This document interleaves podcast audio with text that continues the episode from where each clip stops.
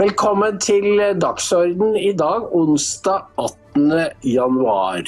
Og med meg har jeg to gjester som dere ikke ser så ofte. Nemlig eh, Kjell Skartveit fra Stavanger og Arnt Jensvold i Portugal. Velkommen til dere. Eh, og vi går ja, vi går rett på sak med Arnt, fordi han bor altså i Portugal og kan portugisisk og følger med på Brasil. Og Brasil er det viktigste landet eh, på det latinamerikanske kontinent.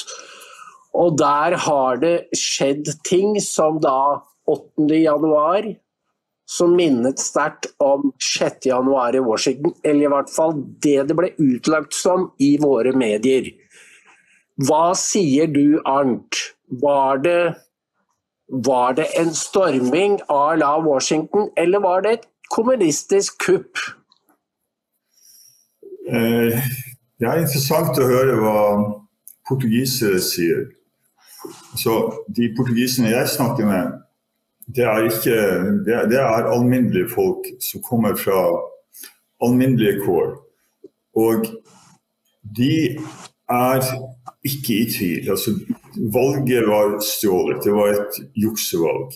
Og kuppet, såkalt stormen på, på Kongressen, det er jeg heller ikke i tvil om hva det var. Det var regissert. Det var en felle de gikk i.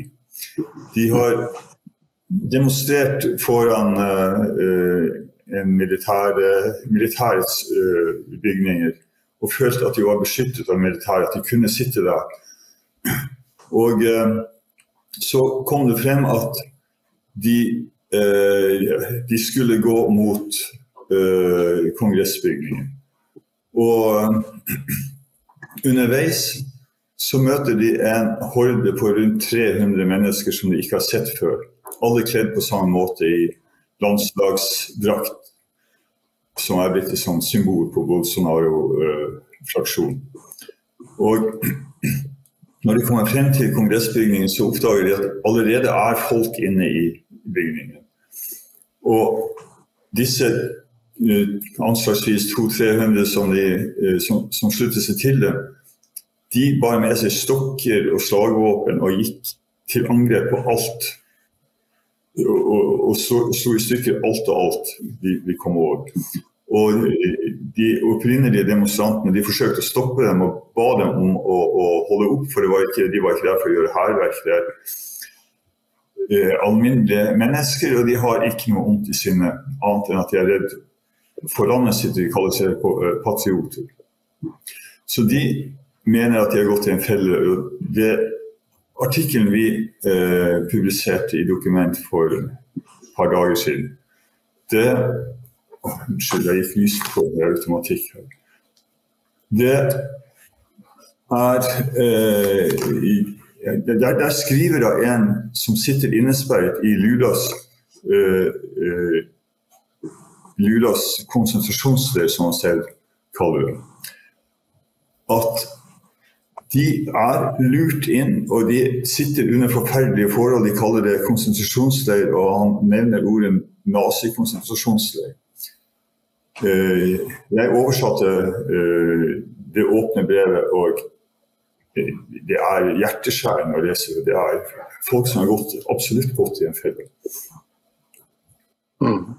Eh, NRK har jo sagt at dette er en kopi av det som skjedde i Washington, men i går hørte jeg for første gang de si at det er 20 eh, som støtter det som skjedde, og det er ytterligere 20 som har sympati med dem. Altså, da snakker vi om 40% av befolkningen.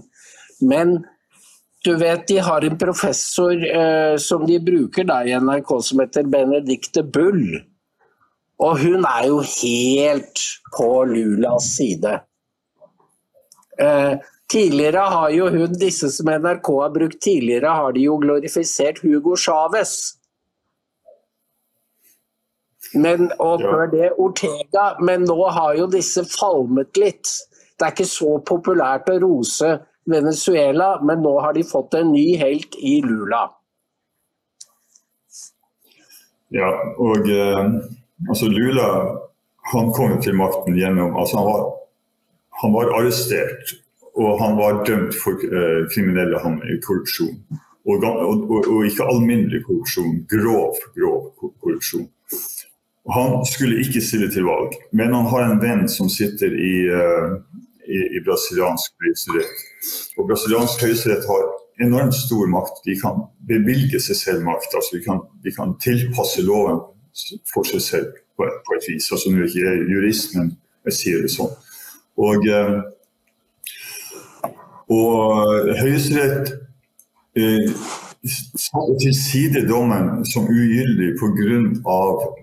Eh, eller ikke ugyldig, men altså teknisk sett så, så måtte vi fri så, så ble eh, Lula satt fri. Pga. at dommen skulle ikke vært reist i den byen, men i en annen by. Altså ren teknisk sak. Men dette gjorde de så sent. Altfor sent å, å, å, ta saken opp på nytt. Så Lula ble i gåseøyne frikjent uten å bli frikjent. Og så kunne han stille til valg, hvilket han ikke kunne gjort sånn, dømt. Det, er, det, ville han ikke kunne gjort ut fra brasiliansk lov. Og altså 40 sier du støtter, men jeg har en følelse av at altså, Nå er det jo mulig at mine, de jeg snakker med, er uh, at, at, jeg snakker med de som er enig med meg, men det er voldsom emosjonell uh, stemning mot Lula. Og folk føler at de er rundlurt.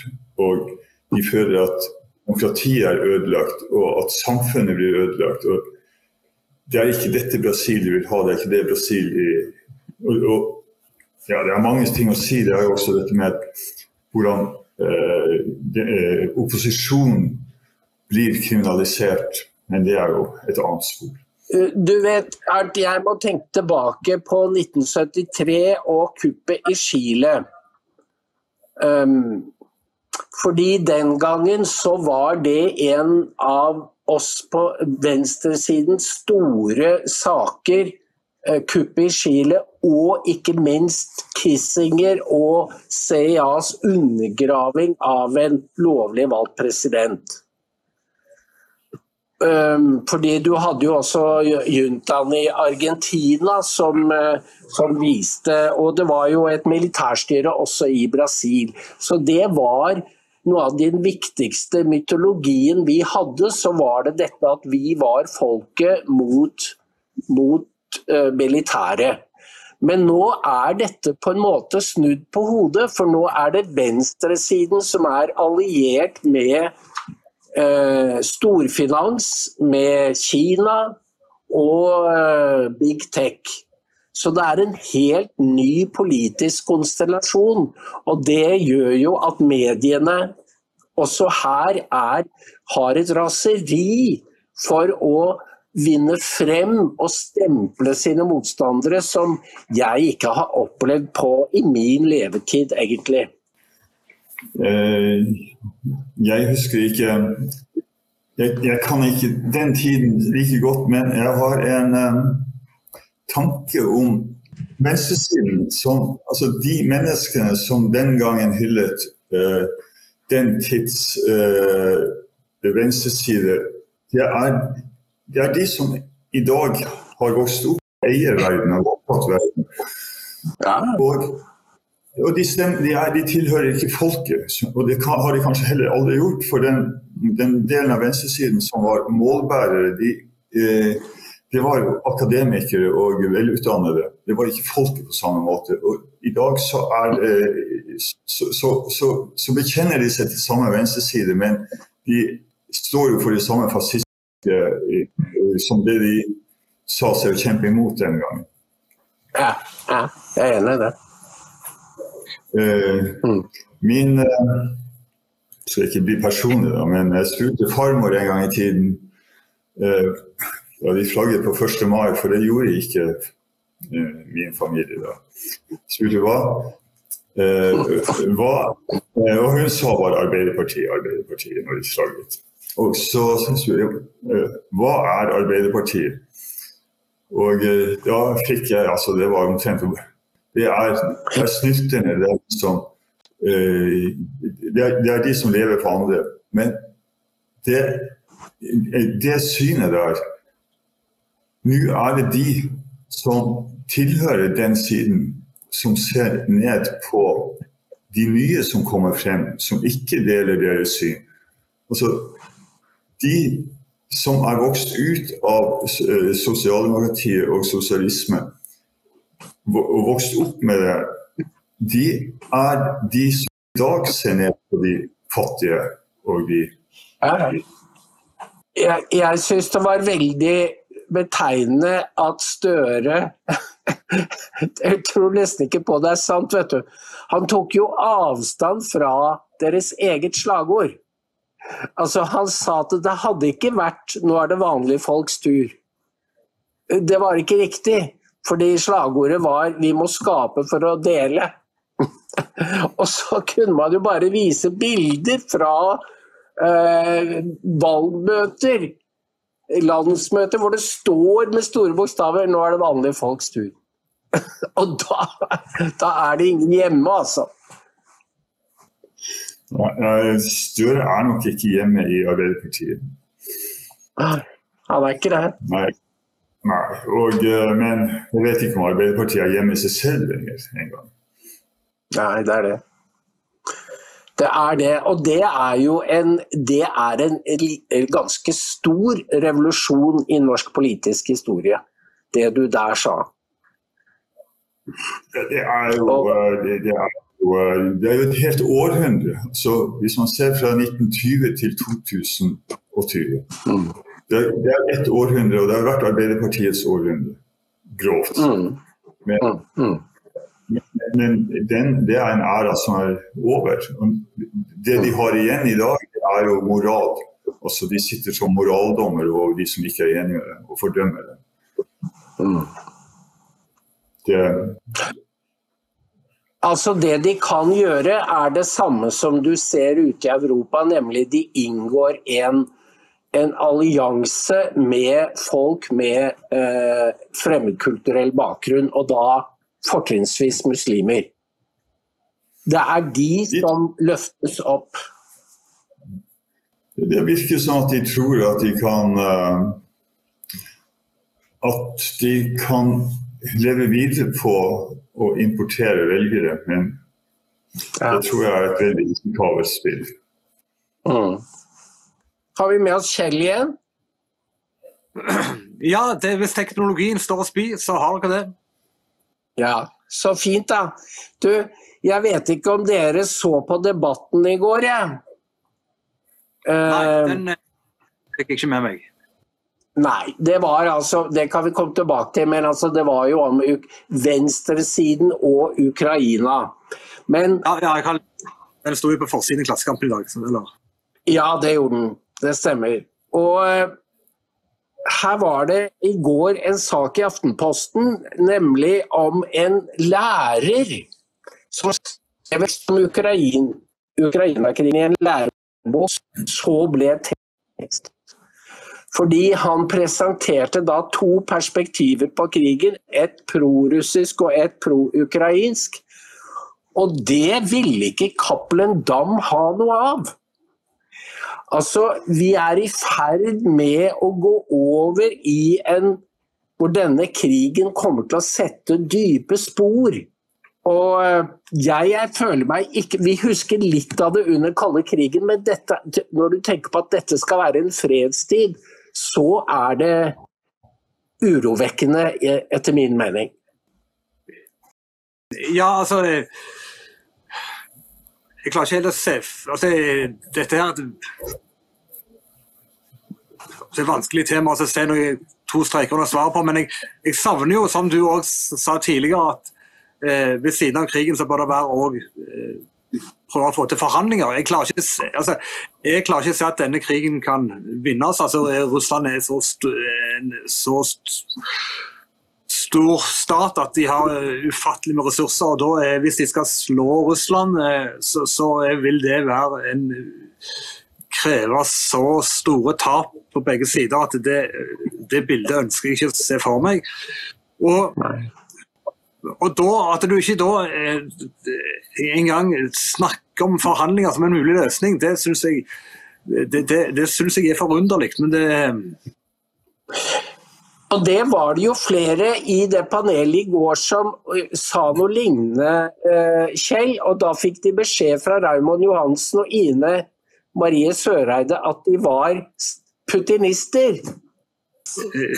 Ja, ja, altså men da, da, da, argumenterer de ikke lenger. Det er det som er så skremmende med den typen holdning. Altså, du, de bare kommer med påstander som de ikke argumenterer. Det er bare en slagord. og, og det er jeg liker ikke diskusjoner som består av slagord. Altså det, det, det, er lite, det, er lite, konstruktivt, altså.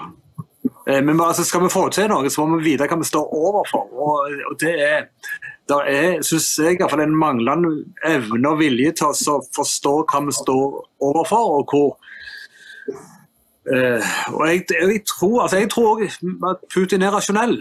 Altså, eh, de fleste, de fleste, er rasjonelle.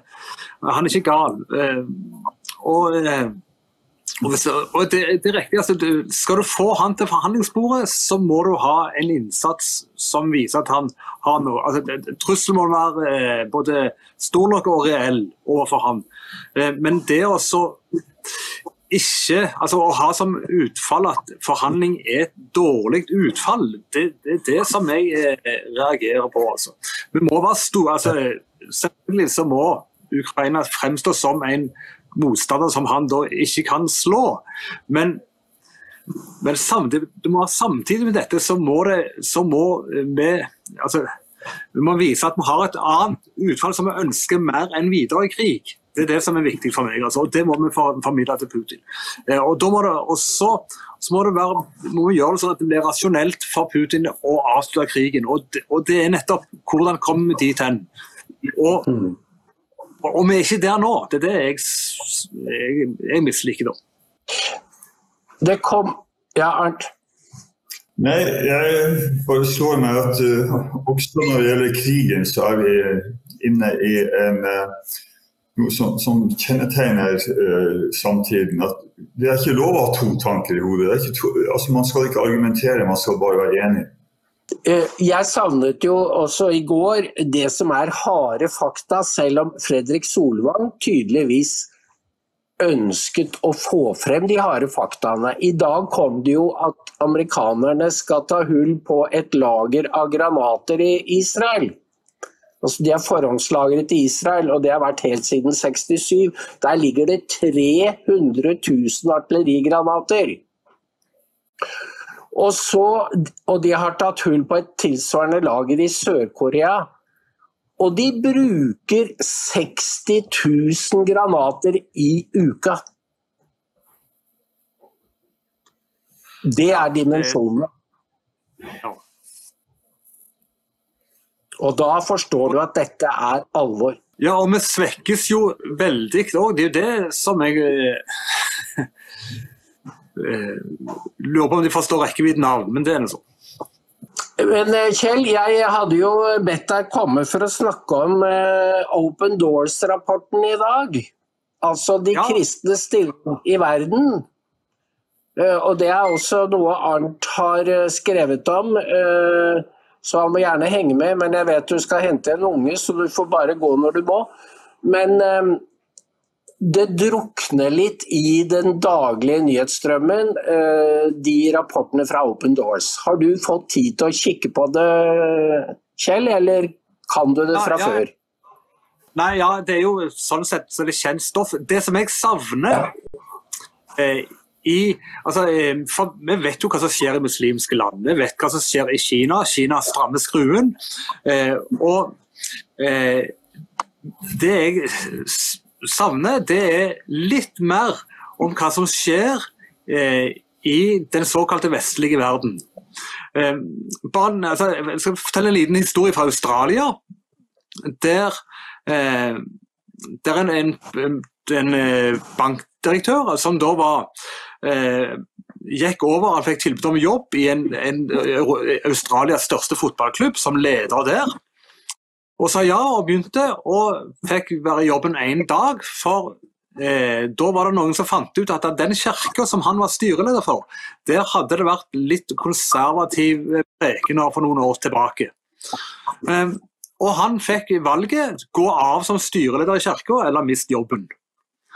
Eh, den eh, det er òg en form for eh, Det er ikke forfølgelse, men det er en form som gjør det eh, veldig vanskelig å, å, leve som kristen i den vestlige verden. Dette her ser vi stadig mer. I, i, var det i går at en, en russisk ishockeyspiller i eh, eller var det USA, var det, eh, som da får eh, pepper fordi han ville ikke spille eh, med pride. farger og ishockeykøllene, for de skal, de skal ha sånn Prive-evenement. Um, og da Espen Sjampo Knutsen går ut og nærmest æreskjeller denne uh, uh, russeren, fordi han vil være tro mot sin ortodokse tro. Um, og det, det som vi har gjort, det er interessant. Altså, for det som skjer i den vestlige verden som gjør at det er, blir vanskelig, det er at vi har, har på en måte privatisert Eh, det er ikke forfølgelse, men det er utstøtingen. Eh, det kom en god bok for ikke så lenge siden som heter 'Live Not By Lies' fra, eh, fra USA. Der forfatteren Rod Grehers forteller hvordan dette skjer. altså Der konservative blir støtt ut av nærmest samfunnet digitalt. altså Enten at du mister jobben eller at du mister tilgang til digitale hjelpemidler. og, og dette det er underkommunisert. Det er sånn som vi ikke helst liker å snakke om. fordi at det er, Vi får nesten høre at de kan jo velge det sjøl, eller at de er så eh, blir fremstilt som så onde at de ikke fortjener noe annet. Altså, eh, du fortjener, du, du fortjener ikke å ha jobben. Eh, og du kan miste tilgang til ulike tjenester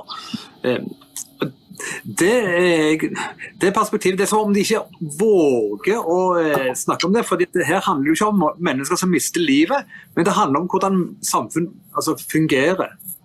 Eh, og, og det, det vi nå får altså, Vi sier ofte, eller Våre politikere sier at samfunnet vårt skal være livssynsnøytralt og livssynsåpent. og alt sammen. Men det finnes ikke nøytralt en plass.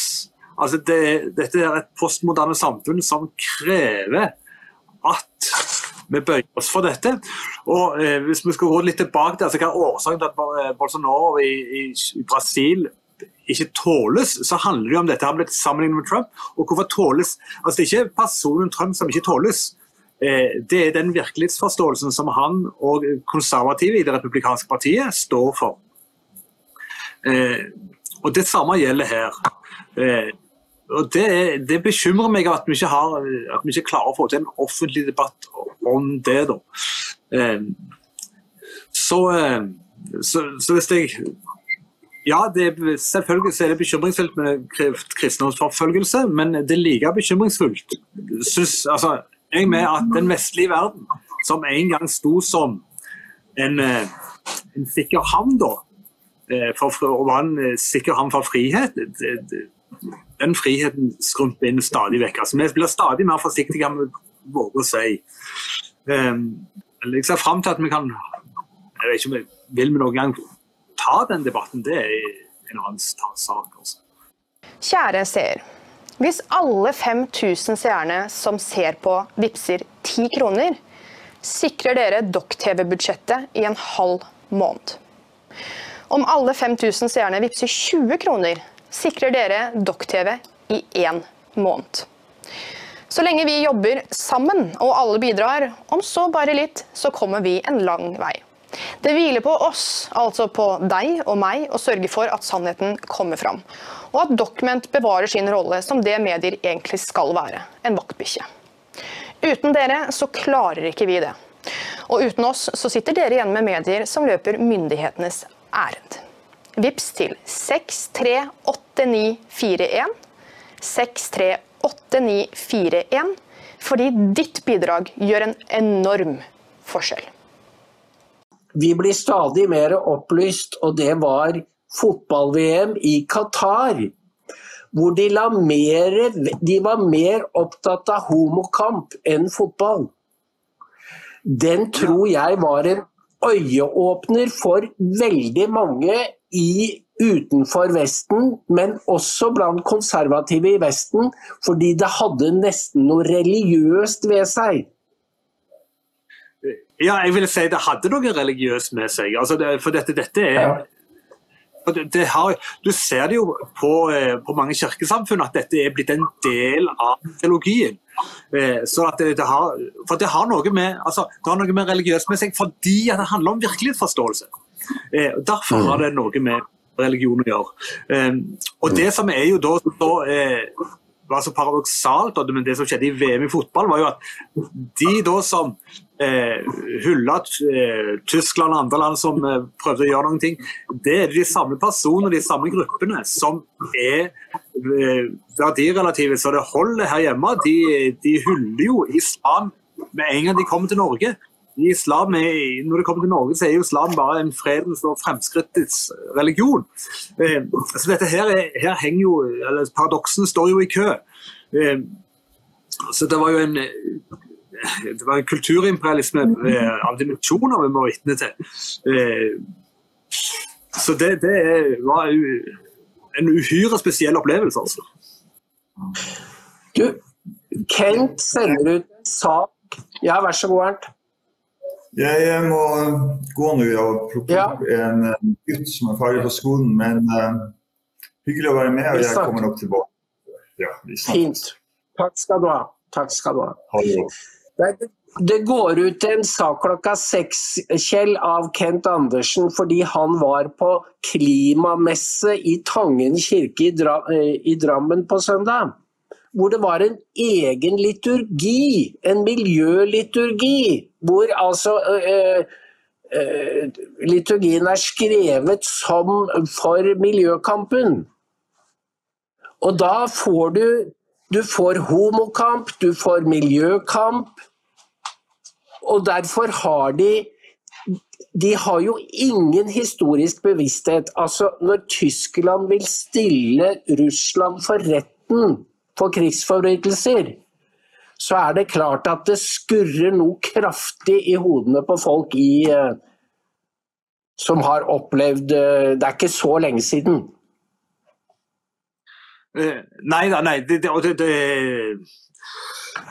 vi var i, med familien eh, i Auschwitz nå i veien, og det var det, det var en ubegripelig sterk opplevelse. Altså, og, eh, og det, der, der, er, der er en veldig skjør den her, der er en skjør balansegang, eller skjør eh, mellom sivilisasjon som bygger opp, og barbariet. Ehm, og det har vi sett opp gjennom historien så mange ganger at eh, de tendensene som en òg nå ser til å lefle med barbariet, eh, og eh, den relativismen som, den er avhengig av. Du får ikke barbari uten relativisme. så, så, så ja, der er, som en, en, god venn av meg sa, der, vi, vi, lever i en tid med svært mange flinke folk, men det er svært få kloke. Eh, og det er svært liten klokskap igjen både i, i samfunnet for øvrig og i kirka. Eh, Pave Benedikt er jo den siste, eller en av de få som tørde å snakke om fornuft. Eh, og som klarte å ha en, en himmel over det han sa, altså som eh, gjorde at folk lytta på han, de er jo Det er ikke mange igjen. og det er, det er en fare med samfunnet vårt at det ikke er folk som tør å stå fram og stå for noen ting og snakke om konsekvenser. Eh, ja, det, det det er mange svakhetstegn med samfunnet vårt i vår tid altså, som tyder på at, altså, at det, er, det, går litt Det går ikke ja, Det står på stedet hvil og kanskje litt bakover. Det er vel verre enn som så, Kjell. fordi da vi vokste opp, så kom den seksuelle revolusjon. Og det var jo altså kvinnens frigjøring. Men det vi nå snakker om, er jo det du har skrevet om, altså normløshet, yogakarta-prinsippene. Altså en, en, en radikalisering av samfunnsmoralen i retning normløshet og oppløsning av selv det biologiske kjønn. Ja.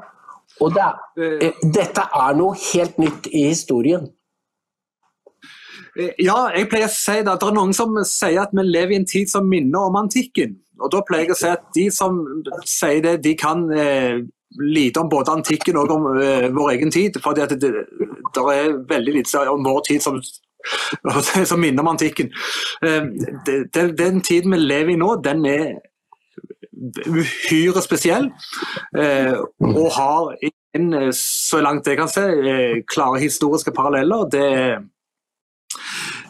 og det er det som er det, kanskje noe av det Det er masse faremomenter, men det er denne opphevingen eller, eh, av etikken eh, som gjør at eh, selv da foreldre som ønsker å stå for noe, f.eks., som ønsker å oppdra sine barn, eh, de eh, i per definisjon etter norsk lov i dag, så er jo faktisk de lovbrytere, hvis du vil gi dem en klassisk oppdragelse knytta til seksualitet og samliv og kjønn. Det er ganske spesielt. Eh, eh, og det er Jeg prøver jo å være litt optimistisk, vet du Hans. Det er det som er. Jo, jo, det er jeg. Jeg er også optimist, Kjell, fordi, og det er jo Altså, Hvis man åpner en bok og ser på f.eks. kristendommens historie Her står jeg med en gammel bok fra København 1902 Eh, kirkens historie inntil reformasjonen. Og du ser alle de bevegelser som var i kirken. Eh. Så skjønner du at eh, Du vet jo alt dette her, du selvfølgelig. Det er ting jeg ikke har hørt om engang. Ebiotinismen har jeg aldri hørt om. Markium, manikenisme, montanisme. Altså, det har vært turbulent også i kirken oh, ja. gjennom århundret. Og noen ganger har det vært store bølgedaler. Men nå er vi i en stor bølgedal. Det er det ingen tvil om. Ja, eh, det sa altså dette Hvis vi skal trekke litt linjer, da, så Jeg har nettopp lest en bok om eh, slaget ved Lapento altså 1571. Eh, og Det var kanskje en av de siste gangene eller det var vel den siste gangen der kristenheten virkelig var samla. Eh, selv om det var etter reformasjonen, så, det, så klarte de å samle seg i en felles kamp da, eh, mot eh, tyrkerne, det osmanske riket, i et stort sjøslag. og Det startet da nedgangen. Eh, og så, Selv om eh, tyrkerne da taper slaget med Wien i 1683, så, eh, så går du, når du går inn i det vi kaller for opplysningstiden, så, eh, så er det som om vi i kraft av vår teknologiske overlegenhet eh, klarer å trekke, altså presse tyrkerne tilbake. Og så skjer det da og Det har jo skjedd masse ideologiske mange si, linjer her, men eh, vi, blir, eh, vi mister frykten for islam altså gjennom opplysningstiden. fordi at vi er så mye flinkere teknologisk, og vi klarer å holde på avstand. Og vi beseirer. Og, eh, og når du da går inn eh, i vår egen tid, der eh, vi blir fullstendig nonsjalante til eh, til troen, og vi, vi, vi mister kunnskap om deres virkelige forståelse, så er det som om vi nekter å ta på alvor at, de, at det er noe som representerer en trussel eh, for oss. Og det er jo mm. eh, Ja, eh, samtidig da med at vi forkaster kristendommen. For det gjør vi. Altså, det, blir kasta bokstavelig talt i f.eks. i norsk skole. Kristen etikk.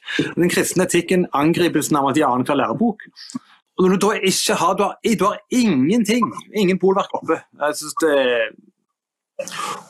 og da er du, hvis vi da jeg skal tilbake til utgangspunktet igjen, så er det så en grunn til at både altså, Trump og Bolsonaro sånn, blir sett på som store eh, fiender som du ikke kan tåle i, eh, i, eh, i det politiske altså, som, som makthaver. Det er fordi at de, de representerer ennå eh, krefter som, som, som, våger å si noe om dette. Som sier at her er det eh, en trussel som vi må ta på alvor. Det tåles ikke. Og, ja, hvis vi skal se at jeg, hvis vi skal si noe om hva som er virkelig farlig da, så er det jo akkurat det, da, altså, spør du meg. Altså, det at vi har på en måte fasiten, mener vi, om eh, hvordan samfunnet skal være. Det skal være åpent og livssynsnøytralt, eh, uten å bygge på noen ting. Og så nekter vi å diskutere hva det faktisk bygges på. Eh, og da, eh, da Ja. Da ender vi opp med at en afghaner får si, noen få timer eh, samfunnsstraff for en voldtekt av en, av en jente, altså. Ja. Ja, da, fordi, fordi men dette er jo eh, det vi ser nå, og det som jeg syns er skummelt med Ukraina, er at nå har de oppdratt en ungdom uten moralsk forankring men som har vennet seg til å eh, ta opp i seg ideologi uten at de vet at det er ideologi. Ja. Og de er, veldig, de er veldig lett å lede. Og hvis da voksensamfunnet sier her er det kun én mening som tolereres, og vi girer nå uh, våre krefter mot krig, så er jeg redd for at det er det de får. De får krig. Ja, hvis det ikke er motkrefter som står opp, og det er helt riktig. Altså, jeg, jeg, er jo en del av dette altså, systemet sjøl. Altså, jeg er jo underviser. Eh, og læreverk og eh, kompetansemål og læreplanmål eh, de sier at de skal dyrke det, den opplyste samtalen. De sier de skal eh, diskutere demokrati og medborgerskap, men samtidig så gjøres dette i en helt sånn i en gitt virkelighetsforståelse. Altså, det er postmodernismen som ligger til grunn for denne diskusjonen.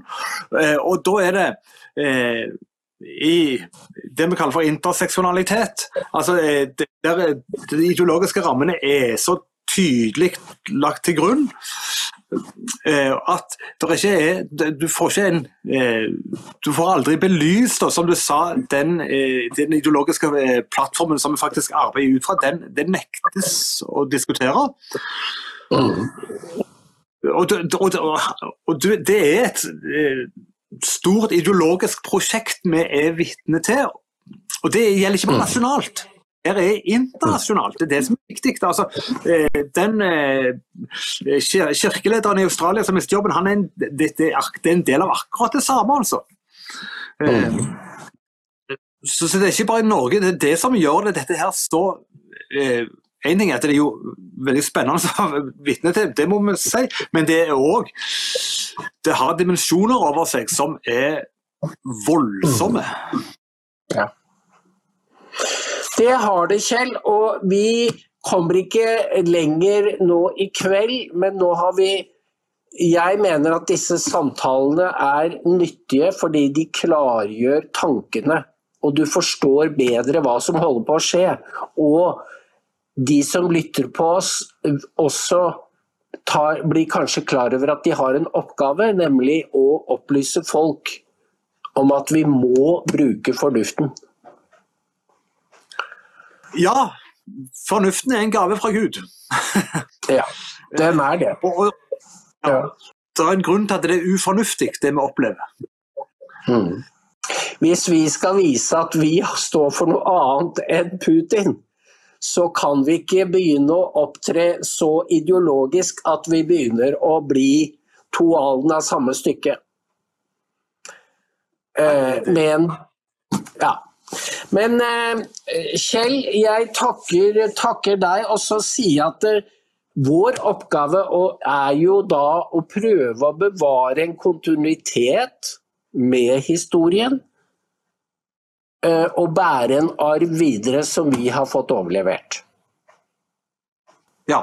jeg Kan understreke her 100 enig, og, og det er jo det vi, vi prøver på altså eh, hele veien. Ja, og det betyr jo også at vi er forpliktet på den arven. Ja, vi er, forplikta på de ofrene som tidligere generasjoner har, har gjort. Det er det som er Vi må ikke skusle vekk, for det, det er fort gjort å skusle vekk den arven. Det er det som er, Den krever stadig, stadig innsats. Kjell, takk. Takk for at du ville bidra, og jeg ser frem til nye samtaler. Takk for I like måte. Takk.